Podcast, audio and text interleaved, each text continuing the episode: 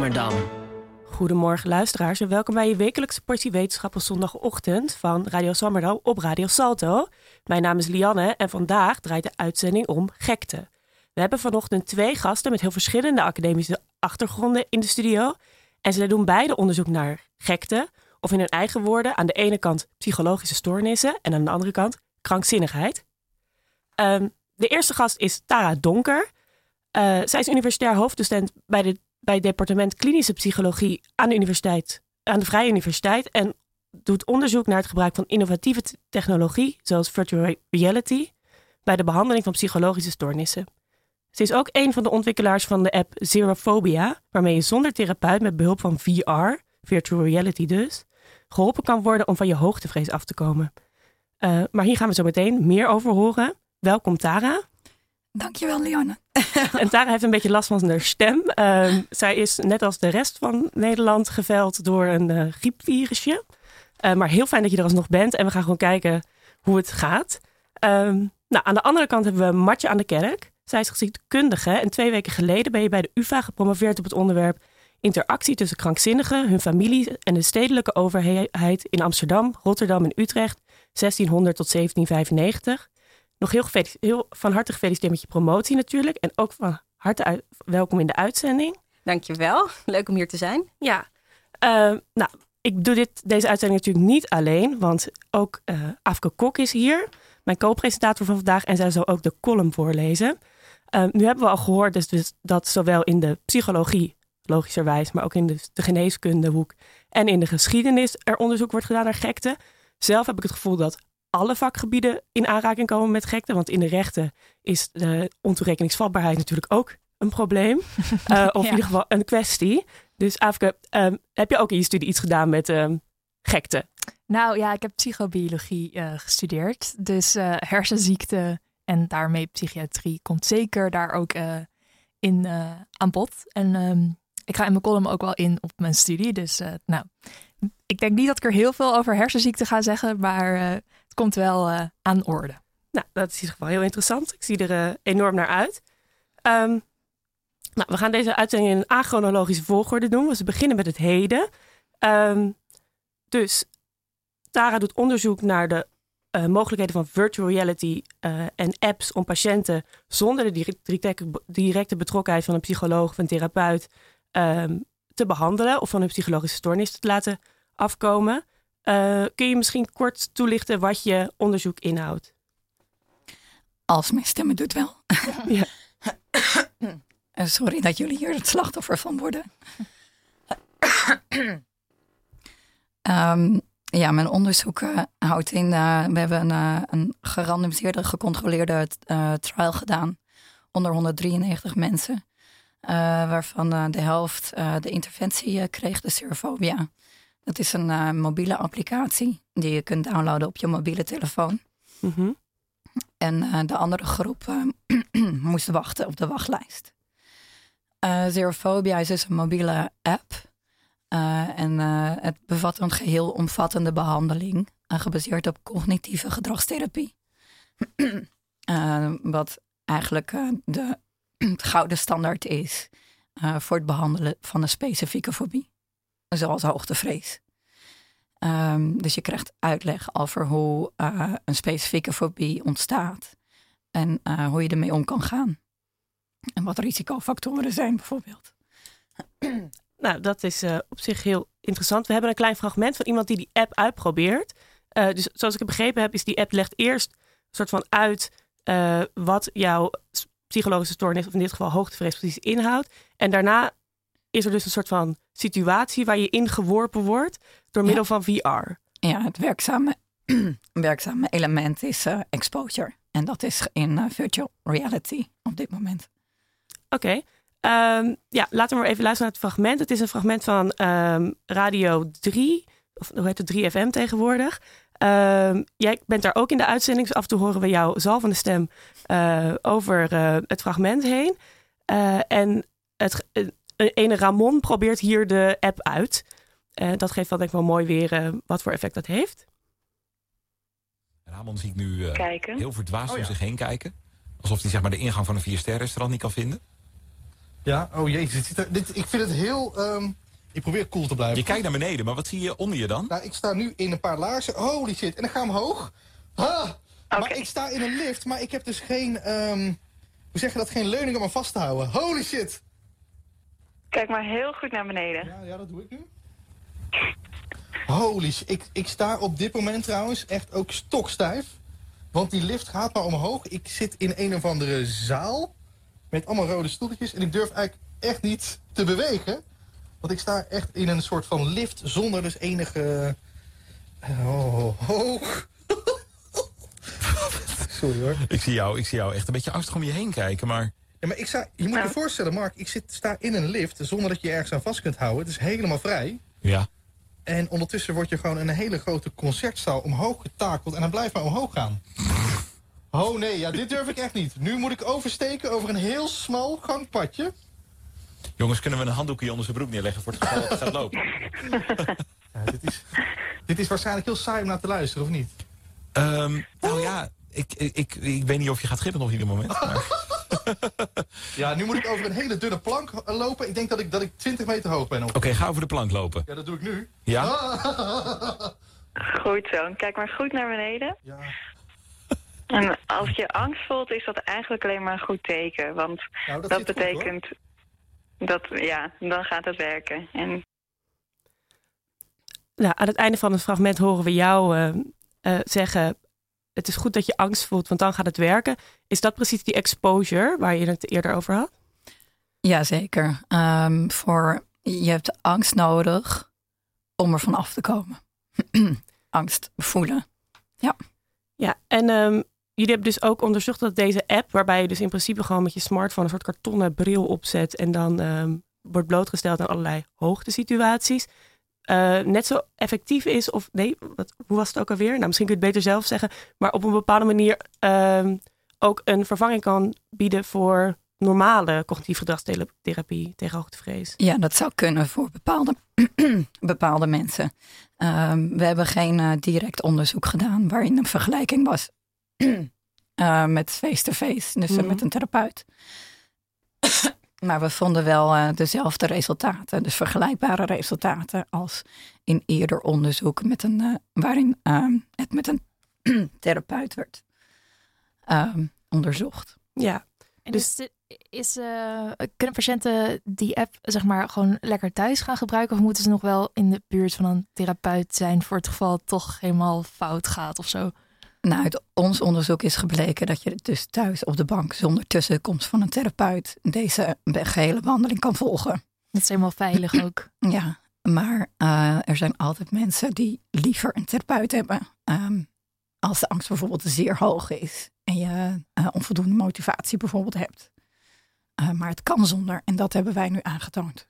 Dat is misschien ook wel een, een groot voordeel van zo'n app ten Absoluut. opzichte van ja. Eh, en je hebt dus onderzoek gedaan. Hoe gaat zo'n onderzoek in zijn werk? Maar hoe weet je dat iets effectief is? Wat is daar, hoe weet je dat iemand van zijn hoogtevrees af is? Eh, we meten dat aan de hand van vragenlijsten. Dus mensen in dit onderzoek eh, hebben vooraf het onderzoek een vragenlijst ingevuld. En dezelfde vragenlijst na het onderzoek. En dat hebben mensen gedaan die de therapie hebben gevolgd. en mensen die de therapie niet hebben gevolgd.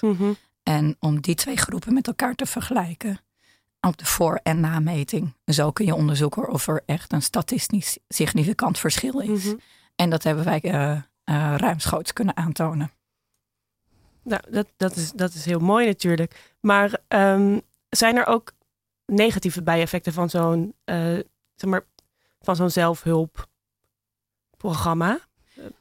Ja, die hebben wij niet gemeten in deze, dit onderzoek. En dat gaan we wel doen in het volgende onderzoek naar vliegangst. Mhm.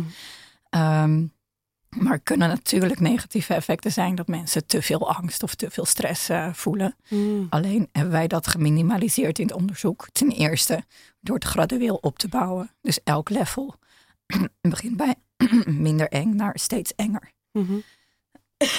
En mensen kunnen natuurlijk altijd de virtual reality bril afzetten als de angst te groot wordt. Mhm. Oh ja, dat is natuurlijk waar. En mensen kunnen vallen natuurlijk. Mhm. Eh, maar die kans is ook erg klein, want we hebben geïnstrueerd dat mensen blijven zitten in het begin. Oh ja. En daarna, als je toch gaat staan, dat kan. Om er dan voor te zorgen dat scherpe objecten ehm, in de buurt weg zijn. En dat mensen niet gaan lopen. Dus wij, eh, wij verwachten dat de negatieve effecten minimaal zijn. je kunt ook misselijkheid hebben, Mhm. VR-misselijkheid. Eh, maar dat hebben we ook geprobeerd te minimaliseren door eh, de manier waarop het geprogrammeerd is. En is die app dan eh, op een gegeven moment zeg maar vrij beschikbaar in de App Store? Of, Zeker. Of is het wel nou ja, op recept verkrijgbaar, zeg maar? Hij is verkrijgbaar voor de iPhone, dus iOS system, en voor Android. Voor 15 euro, geloof ik. Ja. En hè, dat, dat bedrag is vele malen minder dan wanneer je dus naar een therapeut gaat. Want dan ben je bij de eerste sessie al 100 euro kwijt. Ehm, en met die opbrengst eh, financieren we Vliegangst. Dus de volgende app. Oh ja, ja, ik dacht financieren we vliegangst. Maar eh, ja, Nee, de behandeling voor de behandeling voor vliegangst. Ja, precies. Ja, dus dan gaan jullie weer zo'n VR-omgeving eh, bouwen voor een andere fobie. Ja, die is al gebouwd. We zijn er erg eh, blij mee. En eh, we verwachten in november dat onderzoek te starten. Ja, ja, en in theorie zou dat misschien dan wel voor elke fobie. Absoluut, Kunnen. daar gaan we wel voor. De volgende is spinnenfobie. Ja, ik zie al helemaal voor me inderdaad allemaal spinnen om je heen en zo. Dat, ja. Maar goed, dit is dus een heel mooi voorbeeld van, eh, van een project waarbij dus valorisatie of directe toepasbaarheid in de samenleving heel erg hoog in het vaandel staat. Ehm, we hebben het ook wel even in het voorgesprek over gehad, maar hoe zorg je er nou voor dat je die schijn van belangenverstrengeling, want de volgende app wordt dus gefinancierd door de, door de opbrengst van de vorige app. Hoe zorg je ervoor dat dat niet gaat interfe- interfereren met je wetenschappelijk onderzoek? Zeker, dat is een hele belangrijke vraag, Lian. Ehm, dus eh, wij hebben subsidies gekregen om het onderzoek te doen, maar ook om te valoriseren inderdaad. Dus om, eh, om het commercieel te maken. Dus we zijn betrokken bij een start-up vanuit de universiteiten van Twente en en de Amsterdam. en om eh, het, de wetenschap puur te houden, ehm, heb ik bijvoorbeeld niet de statistische analyses uitgevoerd. Dus dat hebben twee onafhankelijke co- collega's eh, van mij gedaan die dat uitstekend hebben gedaan. Ze hebben echt het onderzoek proberen te breken. Ehm, allerlei tests eh, gerund op fraude en dat, ja, dat bleek gewoon helemaal niet aan, aan de orde te zijn. Ehm, dus, dus, dus dat. Dus ik hou me absoluut niet bezig met de data. Ehm, en zo blijf ik daar zuiver in. Eh, plus, eh, eh, we geven alles ook geven we aan. Dus het artikel waar dit, of het, het tijdschrift waar dit Mhm. in gepubliceerd is, Yama Psychiatry. Daar zijn we ook heel zuiver in. Dus hè, ehm, dat we bezig zijn met een start-up. En dat, dat wij daarom de data niet geanalyseerd hebben. Eh, dus, dus full eh, disclosure geven we. Mhm.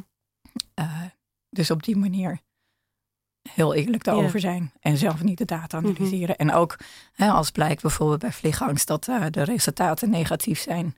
dan zullen we dat ook publiceren. En vind je het zelf ook belangrijk dat, dat wetenschappelijk onderzoek wordt toegepast in de praktijk?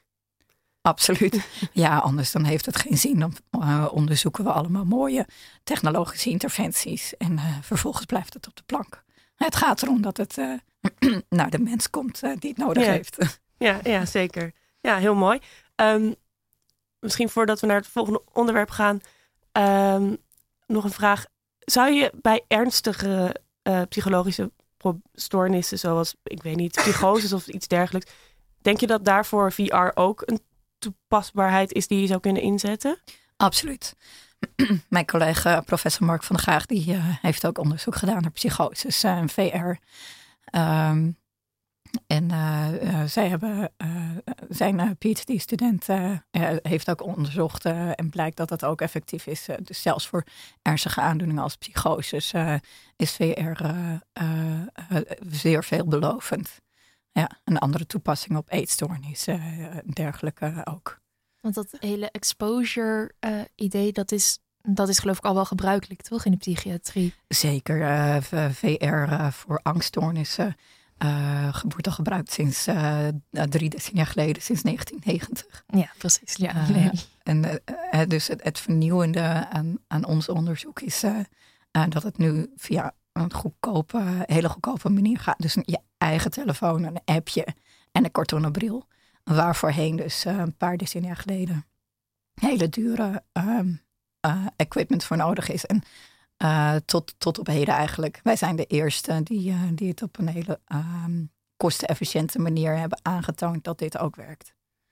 Ja, mooie vooruitgang. Zeker. Ja, en dat is natuurlijk ook heel relevant in de huidige tijd met bezuiniging, bezuiniging in de zorg natuurlijk. Dus heb je ook het gevoel dat daar een soort van noodzaak van uitkwam dat je dus ook meer moet gaan kijken naar goedkope oplossingen? Ja, zeker. Uh, dus sinds 2014 wordt bijvoorbeeld de behandeling voor specifieke fobieën niet meer vergoed door de zorgverzekeraar.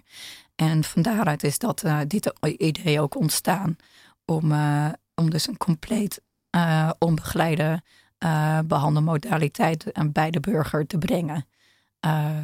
Om de wachtlijsten te ontzien, maar ook zodat de zorg betaalbaar blijft. Ja, heel mooi.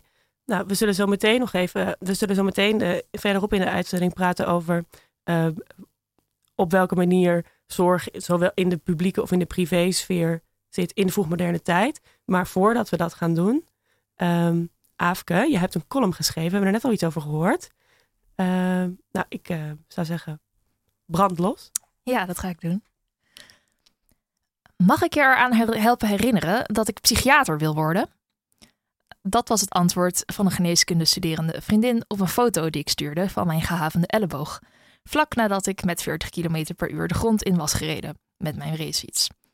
Ik heb geloof ik niet echt een deuk in het wegdek gemaakt, maar zo voelde het wel. Maar goed, dan heb je dus vrienden die voor arts studeren, worden ze psychiater. Daar heb je dus concreet gezien niks aan. Als je jezelf in de bak hebt gereden en je je afvraagt of je hier professionelere zorg bij nodig hebt dan de EHBO-box van je schoonmoeder. Het lijkt mij qua concreetheid sowieso een frustrerend vakgebied, de psychiatrie. Je kunt dan wel concreet medicijnen geven, wat toch in elk geval tastbaarder is dan het enige wapen van psychologen praten. Maar de kennis over waarom die medicijnen nou precies werken ontbreekt grotendeels. De meeste medicijnen voor psychiatrische ziektes zijn eigenlijk per toeval ontdekt. Dat ze werken weten we dan inmiddels wel, maar hoe? De biologische principes die aan die werking ten grondslag liggen zijn lastig te achterhalen.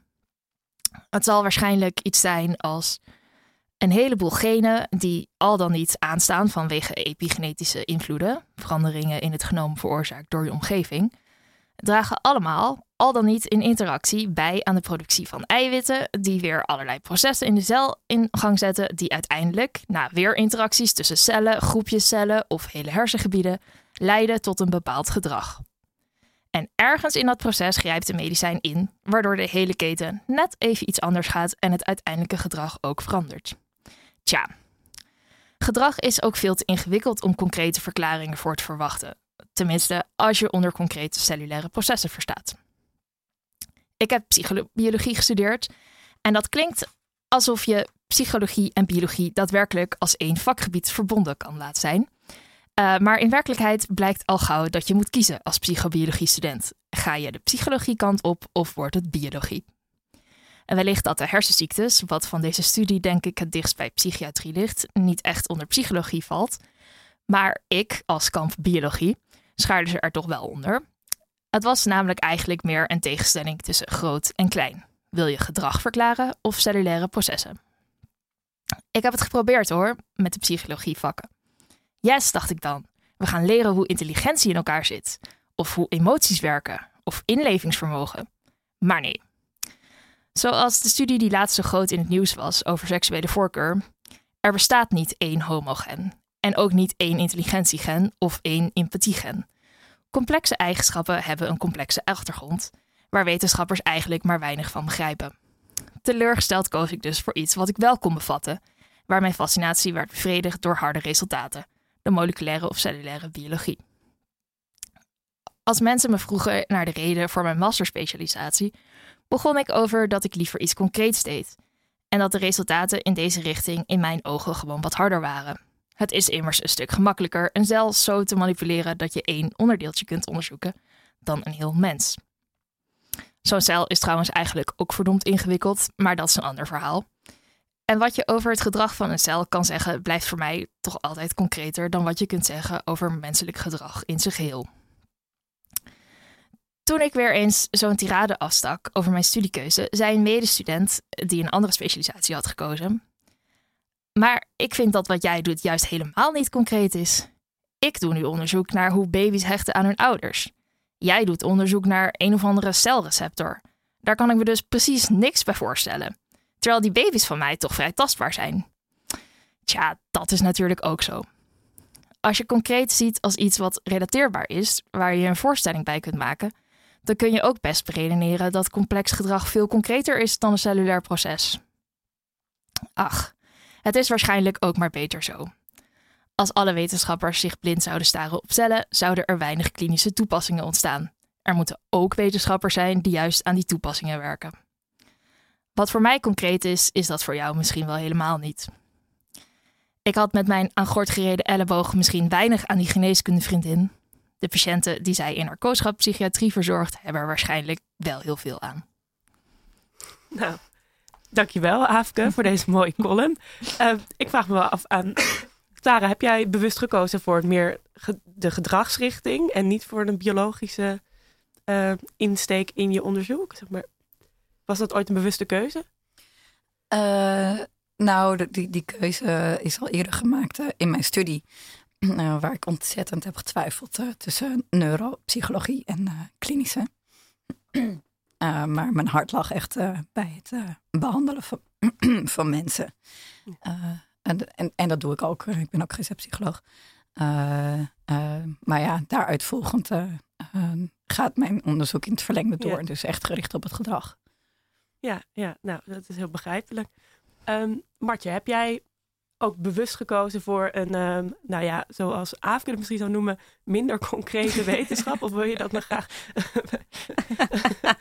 het klinkt zo denigrerend. Ja, misschien hè, wil je dat. Ja, de, de strijd tussen de alfa's en de beta's komt dan naar voren. Ja, um, ja nee, ik, ik, denk het wel. Ja, ik heb geschiedenis natuurlijk weer een heel uh, ander uh, vakgebied. En ik heb daar wel heel bewust een keuze voor gemaakt, omdat ik het altijd heel erg interessant heb gevonden om te begrijpen hoe in, zeg maar, in een andere samenleving eigenlijk vraagstukken een beetje hetzelfde zijn. Ik denk dat dat in mijn onderzoek ook uh, naar voren komt als het meest interessant bijna. Dat de vragen die we stellen rondom trend mensen met verward gedrag, met psychische stoornissen, eigenlijk heel erg veel hetzelfde blijft. Ondanks dan dat die biologie en die medische wetenschap uh, hè, wel vooruitgang, we kunnen daar mm -hmm. aanhalingstekens bij zetten, denk ik, boekt. Um,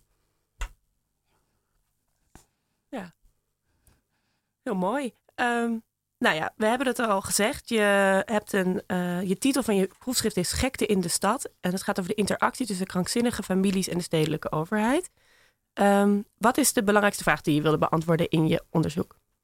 Uh, de belangrijkste vraag, meer intensief vanuit mezelf. Uh, dit is niet de hoofdvraag van mijn boek trouwens, want daar is een andere draai aan gegeven. maar ik wilde heel erg graag weten hoe het dagelijks leven van mensen met psychische stoornissen in mijn onderzoek dan madness. Want mijn boek is in het Engels geschreven, dus het heet Madness and the City. Uh, maar krankzinnigheid is de Nederlandse vertaling uh, daar eigenlijk van. En de term die het meest gebruikt wordt. Dus hoe mensen met krankzinnigheid leefden in die steden. En het beeld is geweest dat dat uh, vooral hè, gebeurde in de instituties, in de dolhuizen in die tijd.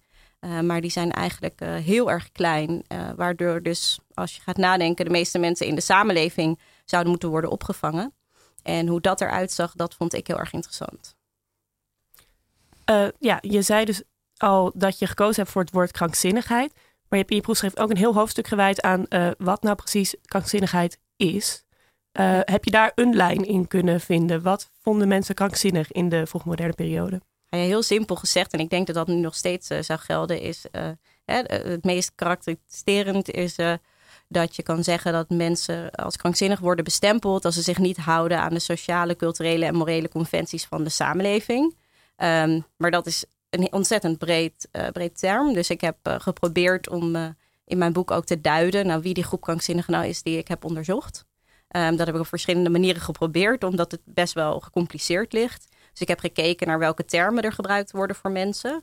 Um, nou, dat blijkt een soort veelheid aan verschillende typen terminologieën te zijn die allemaal duiden op hè, uh, krankzinnigheid of krankzinnig gedrag. Maar wat daar wel in te zeggen is, is dat ik heb een vrij breed net uitgeworpen. Dus je hebt dan een groot onderscheid wat tussen krankzinnigheid, uh, waarbij echt zeg maar een soort uh, hè, tijdelijk verlies van het verstand wordt aangegeven, waarbij mensen vaak echt agressief gedrag gaan vertonen, of in ieder geval heel storend gedrag. En je hebt zwakzinnigheid, wat dan ook vaak bestempeld wordt als simpel, innocent, onnozel. En dat is eh, echt meer, uh, dat typeren ze ook als geboren uh, afwijking of iets wat is gebeurd door een ongeluk, waardoor iemand niet in staat meer is om goed voor zichzelf te zorgen, omdat ze hun verstand niet kunnen gebruiken. En kom je in die vroegmoderne tijd dan ook dingen tegen die ze toen als krankzinnig bestempelden, wat wij nu helemaal niet meer als krankzinnig zouden zien? Uh, eigenlijk is het gedrag, denk ik, en dat is ook wel het interessante, is vrij overeenstemmend. Uh, mijn bronmateriaal is natuurlijk zo dat ik wel vaak de excessen zie. Dus als er iets fout gaat hè, in de situatie. Um, dus je komt heel veel agressie tegen. Uh, mensen die onrust stoken in de buurt, waardoor de hele buurt wakker is. En dat zijn natuurlijk eigenlijk nog steeds problemen als we nu kijken naar de, de uh, alle artikelen die ook deze week weer verschenen zijn over mensen met verward gedrag. Wat precies nu ook het probleem is in de samenleving. Ja, dus in die zin is het toch wel redelijk overeenstemmend. Ja, het is redelijk overeenstemmend. Ik wil misschien nog even terug naar Tara, want uh, jij gaf net de definitie van krankzinnigheid als normafwijkend gedrag. Zou je psychologische stoornissen ook op die manier kunnen definiëren? Of? Uh, nou, psychologische stoornissen worden meer gedefinieerd als een. Uh, als dat, je, dat jij zelf uh, last hebt mm-hmm. hè, in je dagelijks, dagelijks leven. Dus je wordt belemmerd uh, door psychische klachten, ja. waardoor jij je normale leven niet meer kan uitvoeren. En het interessante daaraan is dat, uh, dat je bijvoorbeeld wel volgens de DSM-5, dus waar dan, aan de hand daarvan diagnosticeren wij uh, een, een, psychische stoornis kan hebben. Bijvoorbeeld uh, obsessief-compulsieve stoornis. Mm-hmm. Maar op het moment uh, dat, dat jij je leven zo hebt ingekleed dat je zelf niet lijdt aan je stoornis. Mm-hmm. en dat het geen belemmering voor jou vol, um, vormt in het dagelijks leven. dan kun je dus al niet meer de ziekte diagnosticeren. Mm. Dat is interessant. En dat is dus eigenlijk anders. Of klinkt voor mij anders dan in de vroegmoderne periode, wat jij zegt, waarbij het vooral gaat om in hoeverre anderen er ook last van hebben. Ja, deels, ja, deels is dat ook zo. En ik denk dat, dat we dan ook nog wel het onderscheid tussen psychologisch en psychiatrisch uh, heel duidelijk moeten stellen. Want ik denk dat daar ook nog wel een groot verschil mm -hmm. zit. Uh, maar de, de bronnen die ik heb onderzocht, die duiden inderdaad wel vaak op dat er echt uh, gevaar is. Dus ofwel voor de omgeving, maar ook voor iemand zelf kan. Hè, door zelfverminking of suïcidepogingen die gedaan worden. Uh, dat zie je wel ook terug. Maar niet iets over hoogtevrees. Behalve als iemand misschien de schreeuwend van, van de kerk bovenop de kerktoren staat. Maar dat kan natuurlijk andere reden hebben. Um, in je onderzoek concludeer je min of meer dat het familie- en de privé-netwerk heel erg belangrijk was in die periode.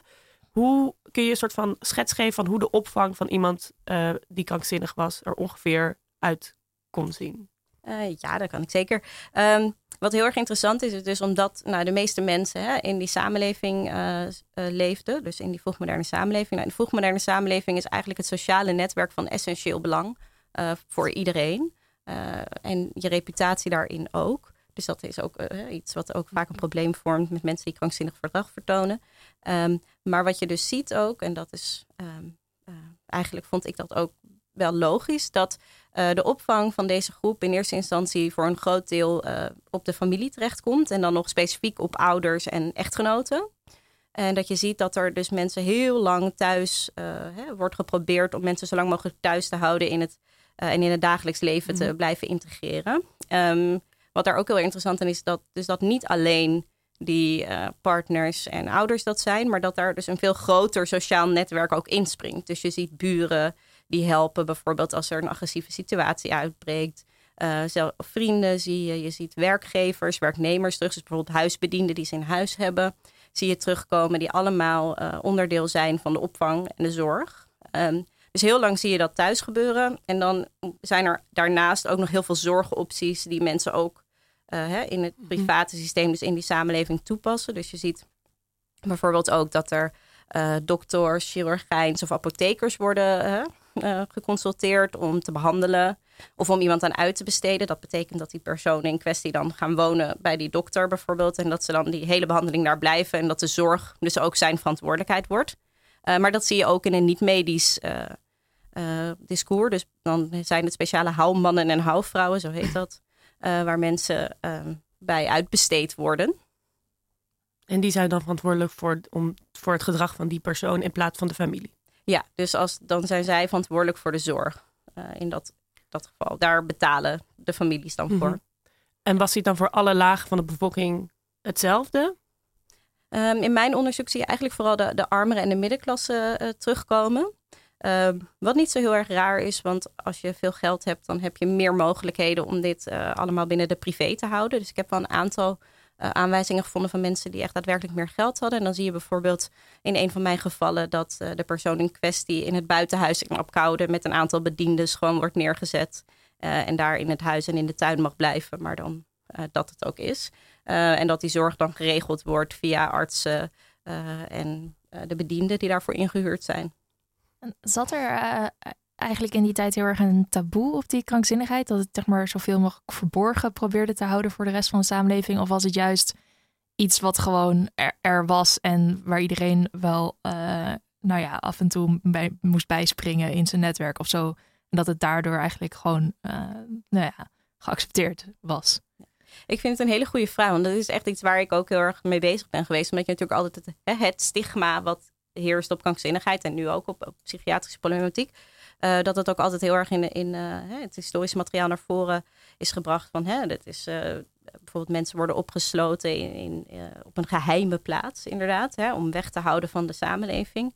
Ehm, ik denk dat dat deels wel zo is. En omdat ik al zei, zeg maar, die reputatie van mensen is heel erg belangrijk. Dus als mensen heel raar gedrag gaan vertonen, dus bijvoorbeeld door naakt rond te lopen op straat, dat is niet alleen een schade voor de reputatie van de persoon in kwestie, maar dus ook voor de familie en ook voor het sociale netwerk wat er omheen zit. Dus ook de buren hè, hebben last van reputatieschade doordat iemand naakt door die buurt rent. Even om het soort kort eh, door de bocht te zeggen. Ehm, dus dat stigma moet er zeker zijn. Het interessante is echter dat de bronnen die ik heb gebruikt, dat iedereen er heel open en eerlijk over is. En ik denk dat dat komt omdat daar een soort escalatie in zit. Omdat ze een soort roep om hulp doen van, nou ja, wij kunnen dit echt niet meer aan. En we, we vrezen met grote vrezen dat er van allerlei verschrikkelijks gaat gebeuren. En dan gaan, treden ze dus wel naar buiten. Maar het feit dat mensen zo lang in die samenleving blijven, moet dus ook betekenen dat heel veel mensen eh, daar in contact mee komen. En dan kan je wel vraagtekens zetten bij hoe heftig was dat stigma. Ja, precies, want heel veel mensen komen er dan wel mee in contact. ja, komen ermee in contact. En het is dus ook hè, vaak op straat of openlijk natuurlijk wel gedrag. En de, eh, dus ik denk dat daar eh, zeker ook nog een heel eh, groot nieuw onderzoek aan zou zitten kunnen komen. Wat heel erg interessant is om naar echt te kijken naar hoe zit dat stigma nou in elkaar. En ook dan verschillende brontypes eraan gebruiken om te kijken of dat nog eh, uitmaakt eh, waar je naar kijkt. En ehm, wat doe je eigenlijk, wat gebeurt er wanneer je geen familie hebt? Of ehm, wanneer de situatie zo heftig is eh, dat je niet meer kan worden opgevangen thuis?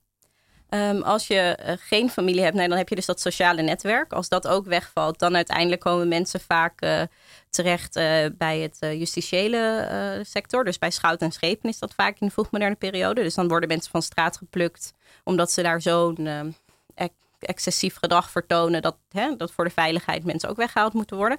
Maar meestal wordt dat dus hè, dan in het sociale netwerk in eerste instantie. Dat is ook het voorbeeld wat ik heb meegenomen, kunnen we daar, kan je daar Mhm. straks zien. Ehm, maar als eh, dus echt het gedrag niet meer te handhaven is in de samenleving, dan zie je eh, dat er dus een vraag wordt gedaan, wel om een opname in een dolhuis meestal, maar het kan ook in een ander instituut zijn in eh, die vroegmoderne stad. Wat is een dolhuis precies? Een dolhuis is een huis dat is opgericht specifiek voor de opvang van razende gekken of razende krankzinnigen, zoals ze dat zelf zeggen. Ehm, dat betekent dat het een soort, ja, het is een soort instituut waar ze dolhuiscelletjes hebben, dus een soort isoleercellen waar deze mensen in eh, worden gezet ehm, in dat huis en daar worden verzorgd. Eh, wel met het idee van herstel of verbetering, zodat ze er ook weer uitgaan. Eh, maar het is eigenlijk een soort, ja, het idee van een time-out misschien, maar dan een, wel in een isoleercel. Ja, maar je hebt in je onderzoek, uit je onderzoek blijkt ook dat de heersende stereotypes over het dolhuis in die periode eh, niet blijken te kloppen of genuanceerd moeten worden. Kun je iets vertellen daarover? Wat was dat stereotype en op welke manier klopt dat eigenlijk niet? Ja, ik, mijn onderzoek blijkt dat daar enorme nuance in moet zitten. Kijk, dolhuizen en sowieso psychiatrische stichten zijn echt een, natuurlijk een heerlijk horrorbeeld eh, voor mensen om op terug te grijpen. Ik bedoel, er zijn genoeg series die zich afspelen in dit soort instituten. Maar ook voor die vroegmoderne tijd ehm, heerst daar eigenlijk uh, in het historische veld wel een soort stigma of een, zeg maar, een soort image van uh, dat het allemaal verschrikkelijk was. Dat mensen daar werden opgesloten, verwaarloosd, geslagen, vastgebonden. Dat ze daar nooit meer uitkwamen. Dat de familie niet meer omkeek naar deze mensen. Nou, even heel gechargeerd is dit het, horrorbeeld. En uit mijn onderzoek blijkt dat daar echt wel heel erg wat nuance in gezet moet worden. Ondanks dat er dus hè, dolhuiscellen zijn uh, waar mensen inkomen.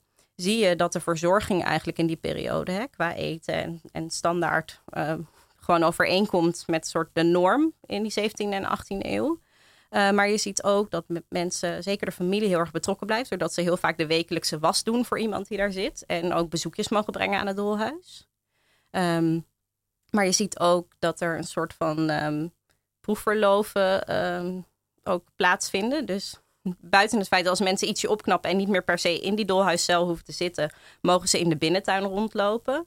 En ik heb ook zelfs een paar aanwijzingen gevonden van mensen die kennelijk zo verbeterd waren dat ze overdag uit het huis mochten gaan en dan s'avonds weer moesten terugkeren. Um, dus een soort uh, vroegmodern proefverlof, uh, vinden we dat noemen. Maar, dus daar zie je in dat, ondanks hè, dat er misstanden zijn geweest in die huizen, um, dat dat, beeld, dat echte horrorbeeld uh, wel genuanceerd moet worden. Ja, en de, de, de vraag rijst dan natuurlijk, hoe weet je dit eigenlijk allemaal? Je hebt al een paar keer je bronnen genoemd, maar hoe is je onderzoek in de praktijk? Hoe gaat het in zijn werk? Welke bronnen heb je gebruikt? Um, ja, ik heb ongeveer twee van de vier jaar uh, die ik had om mijn proefschrift te schrijven, heb ik doorgebracht in de archieven. Uh, wat ik heel erg leuk vond, waar voor sommige mensen misschien een crime is. Maar um, waardoor ik dit onderzoek heb kunnen doen eigenlijk, is omdat ik heel veel verschillend bronmateriaal bij elkaar heb gelegd. En mijn belangrijkste bronnen, die ik eigenlijk ook als nieuw heb gebruikt voor dit soort type onderzoek, zijn notariële archieven en uh, notariële actes. Mm -hmm. um, dat kon omdat dat nu gedigitaliseerd is, waardoor het mogelijk wordt om op zoektermen te zoeken. Um, maar daarnaast heb ik uh, institutionele bronnen gebruikt, uh, gerechtelijke bronnen, bestuurlijke bronnen, ego-documenten. En heb ik geprobeerd om zoveel mogelijk plukjes bij elkaar te leggen om een zo compleet mogelijk beeld te krijgen. En, en die de bronnen, wat voor bronnen moet ik me dan. Wat, wat zijn dat voor stukken?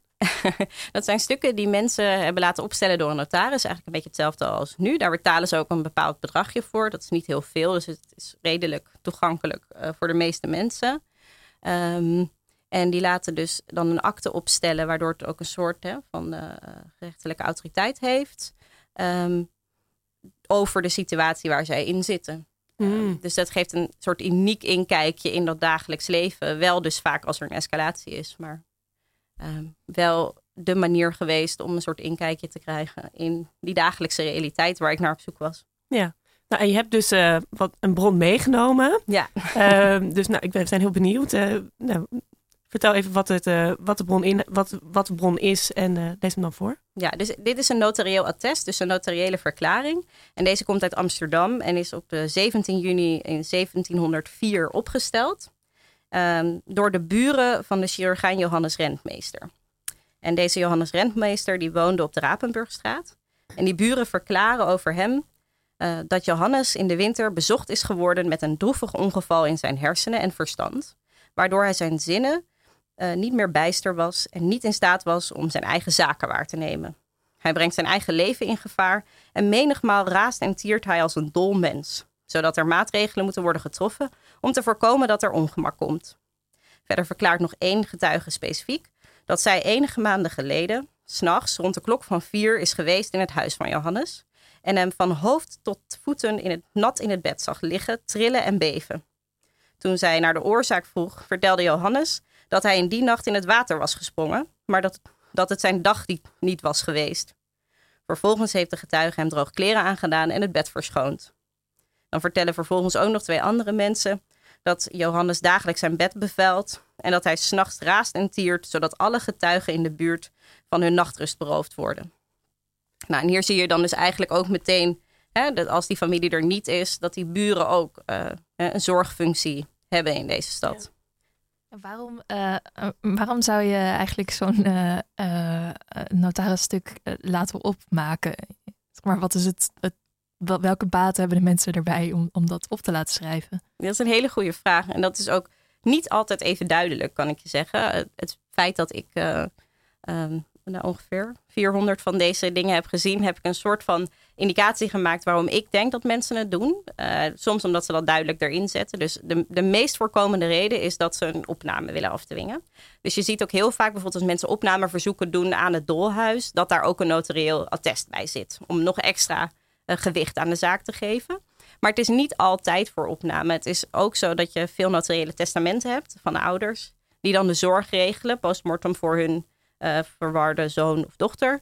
Um, dus dat zie je. Je ziet ook dat mensen willen dat uh, ze bevoegdheid krijgen om over de zaken van iemand te beslissen. Dus als iemand heel veel geld uitgeeft aan heel veel rare dingen, bijvoorbeeld, zie je dat uh, terugkomen. Dus er zijn verschillende redenen te noemen waarom ze het doen. Maar er zit wel vaak een actie-reactie achter, zeg maar. Ja, precies. Want ik, ik, ik kan me voorstellen dat, dat mensen die. Het is niet het, zeg maar als een dagboek of zo. Het is echt. Nee. Ja, je, je doet dat met een reden, anders ga je niet naar een notaris. Nee, en dat is ook waarom zeg maar, mijn onderzoek, ik wel altijd heel voorzichtig ben, omdat ik bepaalde type bronnen gebruik. Vaak waarin een escalatie zichtbaar is. Dus ik heb nog steeds een heel groot uh, uh, cijfer mensen die in die samenleving waarschijnlijk gewoon hè, relatief goed konden functioneren, die dus gewoon ook niet in die bronnen te vinden zijn. Ja, ja, je ziet alleen de escalatie, zeg maar. De mensen die je een klein beetje gek zijn. Ja, die, de escalatie. Ja, dat uh, blijft dan onderbelicht. Ja. Maar uh, ik heb begrepen dat je ook uh, in sommige gevallen, in sommige bronnen, de, de, de krankzinnige zelf aan het woord hebt zien komen. Mm -hmm. Kun je daar iets over vertellen? Zeker. dat is heel interessant wat naar voren is gekomen. Het is maar een heel klein aantal. Dus um, ik heb daar wel een, een, een, deel van mijn boek aan gewijd, omdat het zo interessant was dat ik dacht, ik moet er toch iets over zeggen. Maar wat je ziet in de bronnen, en dat is dus wederom hè, dezelfde brontypes. Dus uh, mensen uh, willen er iets mee bewerkstelligen. Maar je ziet bijvoorbeeld dat mensen zelf um, verzoeken tot opname doen voor zichzelf. Of hun buren aansporen om een notarieel attest op te stellen voor hun eigen opname. Um, wat ook weer meteen hè, dat, dat horrorbeeld van dat dolhuis misschien enigszins uh, in nuance zet.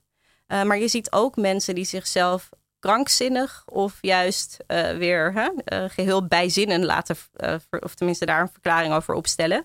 Um, wat ook heel erg interessant is, omdat dat wederom iets kan zeggen over dat stigma waar we het net al over hadden.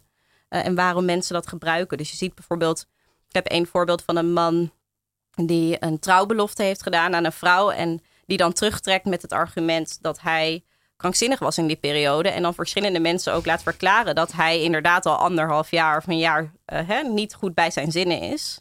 Uh, en, zo, en dan trekt hij dus die trouwbelofte terug, bijvoorbeeld. Um, maar je ziet ook iemand die laat verklaren dat hij krankzinnig is geweest, behandeld is, maar nu echt weer bij zinnen is. Dus waarschijnlijk om aan te tonen dat hij weer zijn eigen zaken kan doen.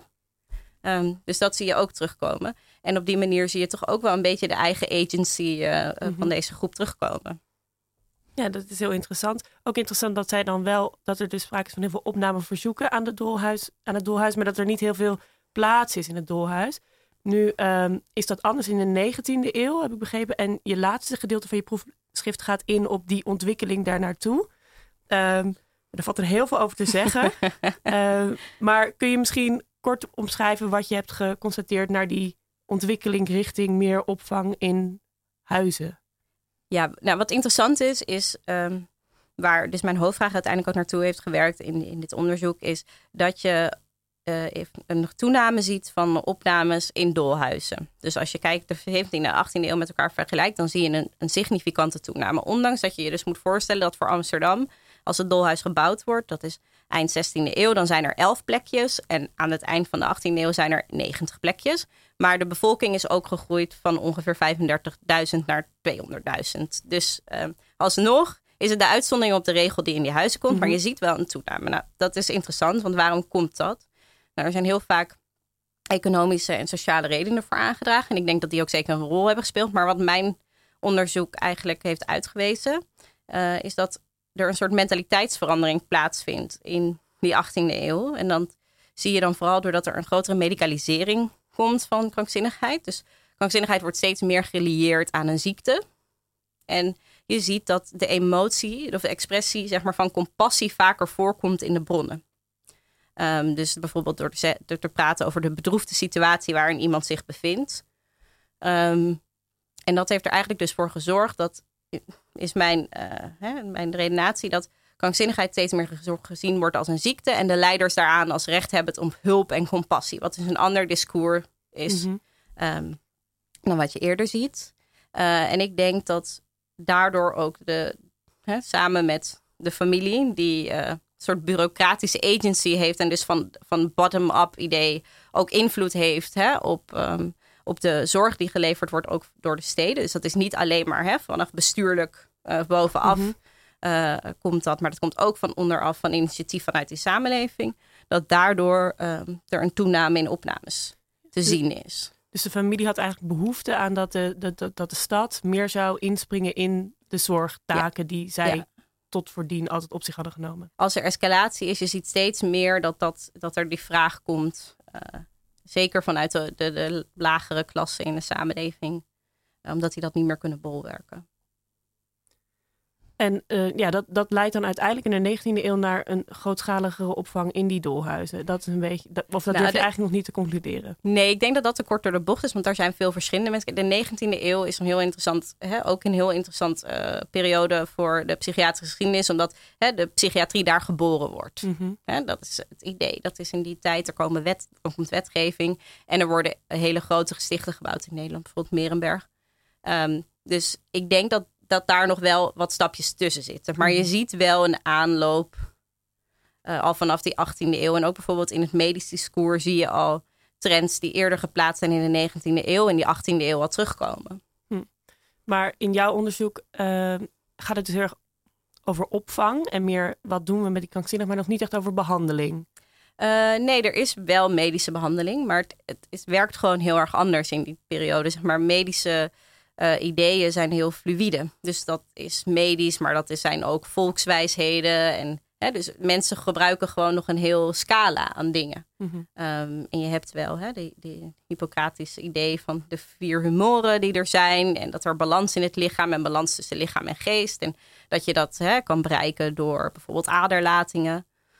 Um, dus dat zie je wel. En er is ook zeker wel behandeling. Alleen helaas wijzen mijn bronnen niet uit wat voor type behandeling ze doen. Hm. Daar kan ik alleen maar als ik naar medische boeken kijk, um, uit die tijd een soort idee van krijgen. Um, maar dat is, dat is dus wel heel anders uh, dan ook nu. ja.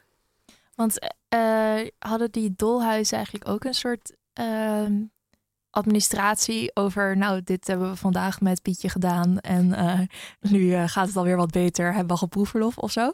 Dat zou heel leuk zijn geweest. Als iemand ooit op zo'n bron stuit, bel mij.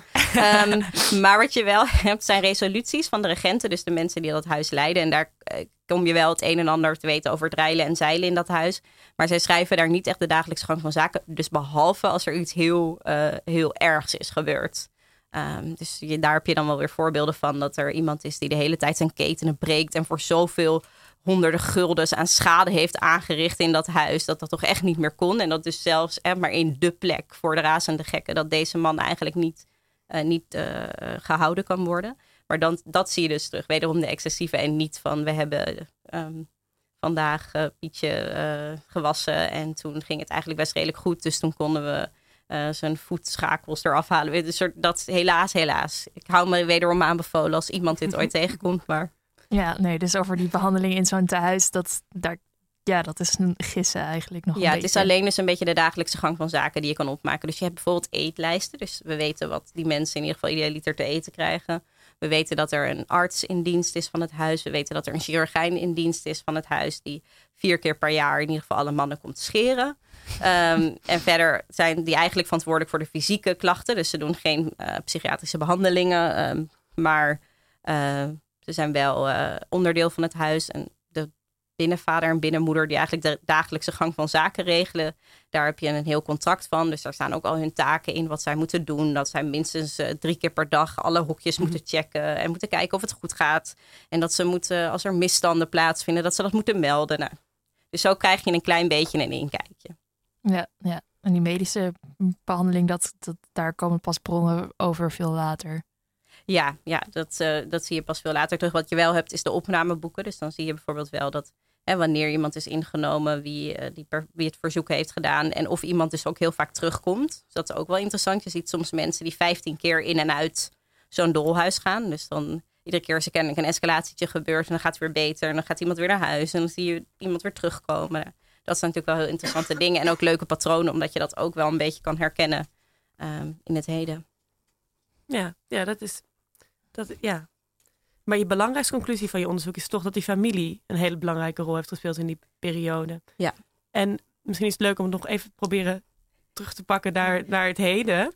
Ehm Tara, omdat je ook behandelend psycholoog bent. In hoeverre is, wordt de familie nu nog belangrijk geacht bij de, behand, zeg maar, bij de behandeling van psychologische stoornissen? Eh, heel, heel belangrijk. Sorry. Ik heb eh, bewust niks gezegd de afgelopen... Omdat ik jullie niet eh, te veel slachtoffer Nee, laten nee. zijn van mijn stem. maar eh, zeker ook eh, in de instelling waar ik werk... wordt er heel veel aandacht besteed aan de, het betrekken bij de, van, van de familie bij de behandeling van, van de patiënt. En dat wordt, ge- althans, dat wordt getracht. Vaak Mhm. is het, eh, ehm, behandelen wij het individu. En eh, we zijn behoorlijk bek- eh, beknopt op, op de tijd eh, die Mhm. wij hebben voor een behandeling. Dus eh, familie wordt er wel minder bij betrokken als, eh, als dat ik zou willen. Ja. Ehm, maar er wordt, eh, de, de familie wordt zeker belangrijk geacht. Hè, want dat is het primaire steunsysteem. en zij kunnen, zij hebben een veel beter zicht op hoe het in het dagelijks leven met, met, met Mhm. iemand gaat. Hè, Iemand kan naar, naar de behandelaar toe gaan en zeggen dat het heel goed gaat. Eh, maar de, hè, de, de, de primaire steun, die, die, kan, die, heeft, die kan het veel beter inschatten. Ja. Soms. ja, dus dat is eigenlijk nog eh, min of meer hetzelfde gebleven. Dus dat Ja. is wel, wel een mooie parallel. Ehm,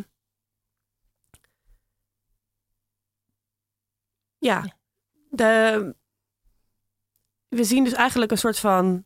Eerst was er meer in de private sfeer een opvang van gekken of krankzinnigen of mensen met psychologische stoornissen. Dan in de 19e eeuw gaat het wordt het min of meer in de publieke sfeer getrokken. En nu zien we het weer terugkomen naar toch meer een private oplossing. Misschien door, door de bezuinigingen ook in de zorg, maar ook toch deeltelijk met die VR-apps. ehm, dat er een soort van eh, ontwikkeling, ja, een soort van golfbeweging plaatsvindt. Dus dat is wel interessant. Ehm, waar ik nog heel even kort over wilde hebben met Martje is... ehm, het onderzoek van Tara is heel erg toegepast. Eh, dus ik vroeg me af, eh, heb je zelf ambities om je onderzoek toe te passen? Waarvoor is je, denk jij dat jouw onderzoek relevant kan zijn? Wat is de valorisa- valo- valorisatiewaarde? Ja, de gevreesde vraag voor historici hè, is dit. Eh, maar nee, ik, ik denk wat heel erg leuk is, ehm, denk ik aan mijn onderzoek, nou is A, dat ik dus heel veel nuance heb aangebracht in een beeld ehm, hè, wat er bestaat over deze periode. En laat zien dat essentiële vraagstukken die we dus nu nog steeds hebben, hoe gaan we met deze groep mensen om? Wat is de beste manier? Eh, is het inderdaad slim om iemand op te sluiten of niet? Wanneer ligt die scheidslijn? dat dat eigenlijk allemaal vragen zijn die nog steeds zo actueel zijn. En dat je ziet dat we daarbij blijven worstelen. En dat vind ik ook het leuke wat mijn onderzoek heeft laten zien. Zeg maar dat horrorbeeld, dat, dat stookt daar totaal niet mee. Weet je, het feit dat mensen eh, hun vader of moeder zomaar in een gezicht zou, gesticht zouden stoppen en er nooit meer naar omkijken, is een soort, in ieder geval in mijn beleving, een heel raar eh, beeld wat wij kunnen hebben van het verleden. En dat is dus ook gewoon pertinent niet waar. Eh, en ik denk dat juist dat, dat essentiële menselijke eh, heel erg interessant is. En ook interessant is om dat over langere perioden te zien en te kijken hoe we daarmee om zijn gegaan. Ehm, en dat in perspectief te plaatsen. En ik denk dat daar waar zeker daar ook nu iets aan kunnen hebben. Zeker met die trend waar jij nu schetst. Weet je, de ambulantisering die toch eigenlijk niet zo heel erg goed gaat nu in die samenleving. De problematiek met verwarde personen die groter wordt. Ehm, is het interessant om terug te kijken van goh, hoe zit dat? En ondanks dat die samenlevingen zo anders zijn, eh, denk ik dat daar zeker eh, hè, dat het zeker interessant is om dat naast elkaar te leggen. Is dat ook eh, iets dat je als historicus ook expliciet in je proefschrift zeg maar, moet gaan benoemen? Eh, deze, deze link bedoel je? Ja, ja ik, ik erger me daar altijd heel erg aan dat er dan zo'n stukje maatschappelijke relevantie eh, moet benoemen. Terwijl ik gewoon dacht, nou, ik ben gewoon geïnteresseerd in die celreceptor rot op met je toepassing. maar Nou, ik denk dat we daar in de geschiedenis eigenlijk ietsje vrijer in zijn. Dus hè, eh, wij vertellen vaak een mooi verhaal. En we komen, hè, dat, dat is ook wat we graag willen. En, en we willen daar wel de relevantie van laten zien. Want ik denk dat geschiedenis heel erg relevant is. Eh, net als de meeste geesteswet- geesteswetenschappen. Eh, maar dat hoeft niet. Ik heb wel een epiloog gekeken naar deze eh, eh, link. Omdat ik dat zelf heel erg interessant vond. Nou, mooi. Ik, ik hoor de eindtune alweer. Dat betekent dat we, eh, de uitzending er alweer bijna op zit. Vandaag eh, hebben we het eh, gehad over wetenschappelijk onderzoek naar gekte, zowel vanuit de geschiedenis als vanuit de toegepaste psychologie. Martja de Kerk, heel erg bedankt. Ehm, je gaat nu een postdoc doen bij de Open Universiteit. Ja, ik ben begonnen in juni als postdoc-onderzoeker bij de OU. Dus heel erg leuk. Dus dankjewel dat ik hier mocht zijn. Ja, nee, heel leuk dat je erbij wilde zijn. En Tara Donker, bedankt dat je ondanks je ja, stemverlies toch bij ons wilde zijn om te praten over zerophobia. Ehm, je zei dus dat in het eind januari komt waarschijnlijk de nieuwe onderzoek, start het nieuwe onderzoek van de vliegangst-app. De, ja, voor, in, uh, vliegangst is, uh, schatting is november. En uh, spinnen verbieden gaan we in januari mee starten met de ontwikkeling daarvan. Nou, dat is heel spannend. Heel, nou, heel veel succes daarmee. Dus allebei bedankt voor jullie komst. Ook bedank ik mijn co-presentator, Aafke. Uh, ook voor je prachtige column. Graag gedaan. Uh, het sloot perfect aan. Um, Matthijs was vandaag even onmisbaar als onhoorbaar, want hij deed namelijk de techniek. En die, hij zal de uitzending online zetten vanmiddag. dan kun je hem dus ook luisteren als podcast. Maar je kan hem ook gewoon vinden op de website radiozwammerdam.nl. Um, en kun je geen genoeg krijgen van wetenschap, dan kun je natuurlijk volgende week luisteren naar een nieuwe uitzending van Radio Zwammerdam. Maar je kunt ook op 5 oktober naar de open dag van het Science Park van de Universiteit van Amsterdam.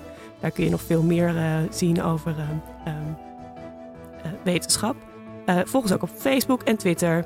Stuur een mailtje naar redactie.radioswarmerdam.nl. dankjewel.